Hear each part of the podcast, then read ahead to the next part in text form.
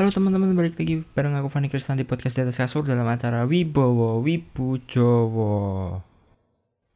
Hmm, nggak kerasa ya cok, udah bulan apa sih? September. Iya, nggak kerasa udah bulan September aja loh. Kayak kemarin baru aja masuk kuliah aku. nggak maksudku semester kemarin. Eh, iya semester 2 kemarin. Kalau kegiatan kalian tuh apa sih cok? Aku ngerasa gabut banget loh di rumah nonton anime udah terus nonton film-film juga udah.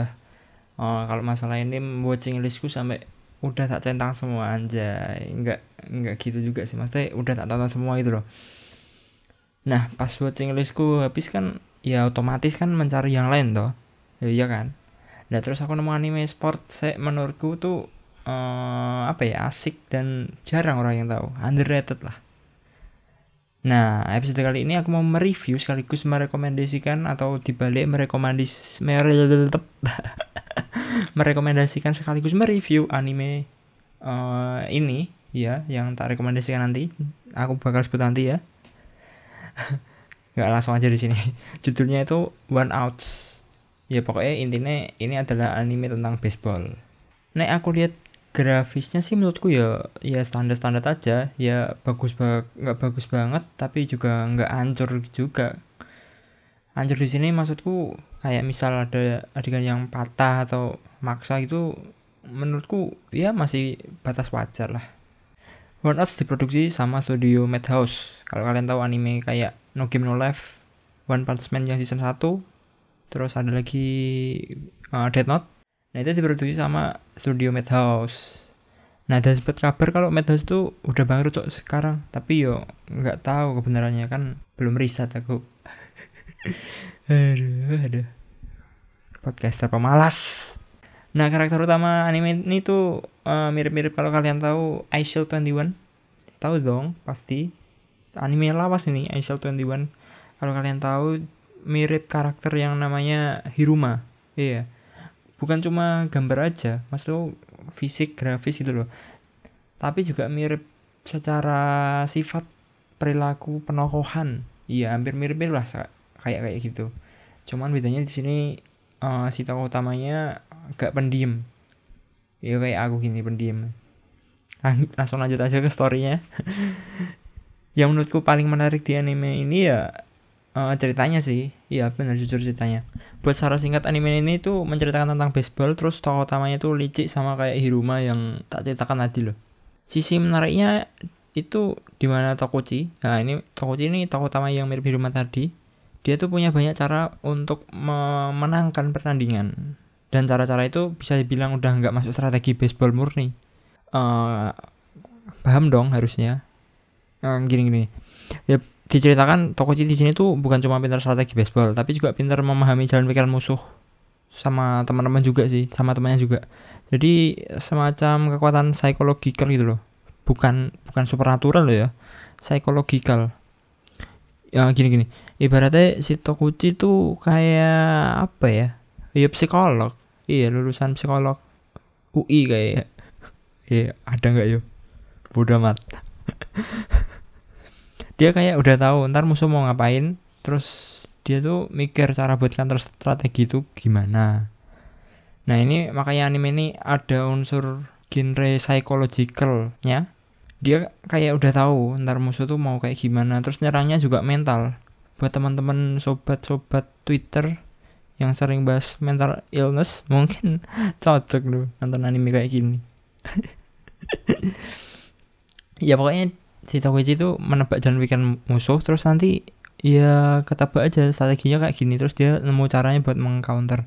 Jadi nggak cuman pinter strategi baseball tadi sudah tak sebutin kayak nggak cuman pinter strategi baseball tapi juga pinter manipulasi lah istilahnya. Dan Tokuchi ini juga seorang penjudi. Jadi istilahnya dia kan udah tahu dan pikiran lawannya. Nah dia tuh berjudi mau pakai cara yang kayak gimana gitu loh. Nah di anime ini tuh dalam pertandingan, suatu pertandingan itu sebuah perjudian. Iya iya seperti itulah. Haram pokoknya. Tidak boleh mengundi nasib dengan berjudi ya teman-teman. Terus kalau minusnya anjir anjir. Minusnya kayak barang dagangan.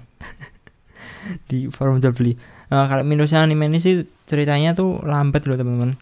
Untung sekarang udah tamat ya. Jadi ya aku nontonnya download yang batch. Terus ya kalau udah selesai langsung skip skip episode selanjutnya. Kalau misalnya adegan yang banyak bacot yang nggak terlalu penting tidak tak skip gitu loh.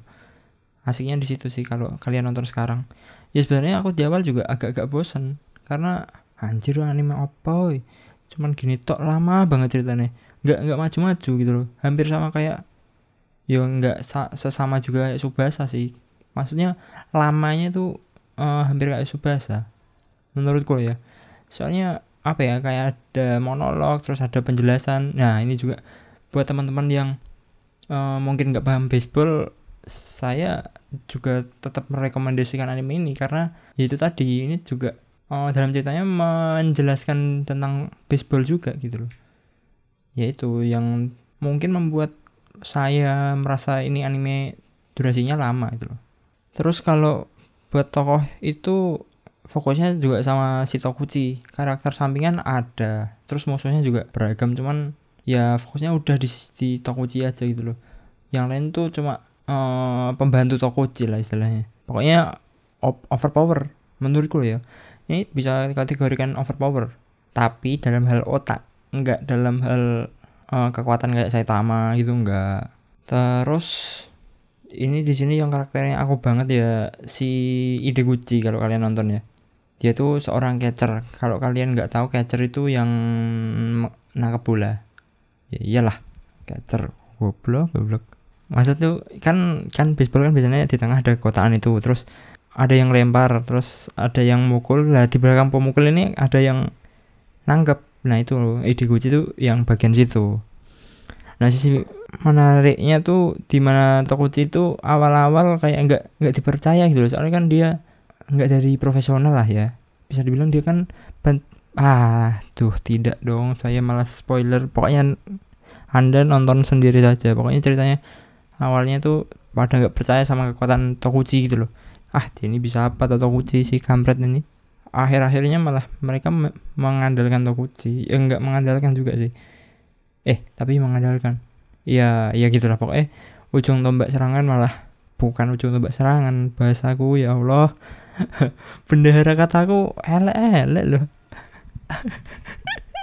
Ya pokoknya Toguchi ini jadi apa ya pemikir malah.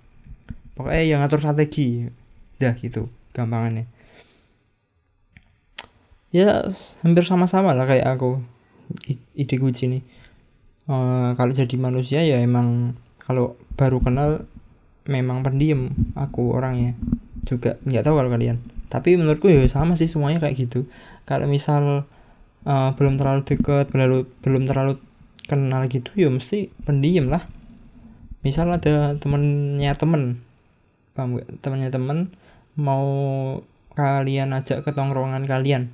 Nah itu pasti temennya temennya eh iya susah susah susah. Aduh ya aduh. Bendera kataku susah. Ya paham lah pokoknya kalian. Harus paham. Gini gini. Ada temanmu mau kamu ajak ke tongkronganmu atau circlemu pasti temanmu itu pertama-tama diem. Diem banget. Pasti dong. Itu udah pasti. Nah seperti itu. Tokuchi eh ide Gucci menganggap ke Tokuchi susah bang ngomongnya ide Gucci Tokuchi kenapa sih? Nama-nama Jepang. Takeshi ya. Shinji. Ya udahlah pokoknya gitu aja. Terus kalau dalam hal musik-musik opening ending di anime ini tuh anime ini tuh uh, bukan kurang apa ya? Ya nggak terlalu memahami juga sih. Aku nggak nonton apa? Dengerinnya juga nggak sampai selesai soalnya kan aku tadi udah bilang ceritanya tuh agak lambat jadi aku ngeskip ngeskip gitu nonton nih ke bagian-bagian yang menurutku penting dan uh, apa ya? Ya adegan yang uh, punya punyanya lah. Maksudnya keren kerennya epic epicnya uh, gitu sih. Jadi ya mungkin aku nggak terlalu dengar openingnya karena itu mungkin ya. Karena sering mengskip skip mengskip kelas online juga. Tidak dong. Saya selalu hadir. Ya udah sih. Gitu aja review atau lebih tepatnya sih rekomendasi ya. Soalnya ini kan anime lama. Dan mohon maaf kalau aku ada salah-salah kata. Sayonara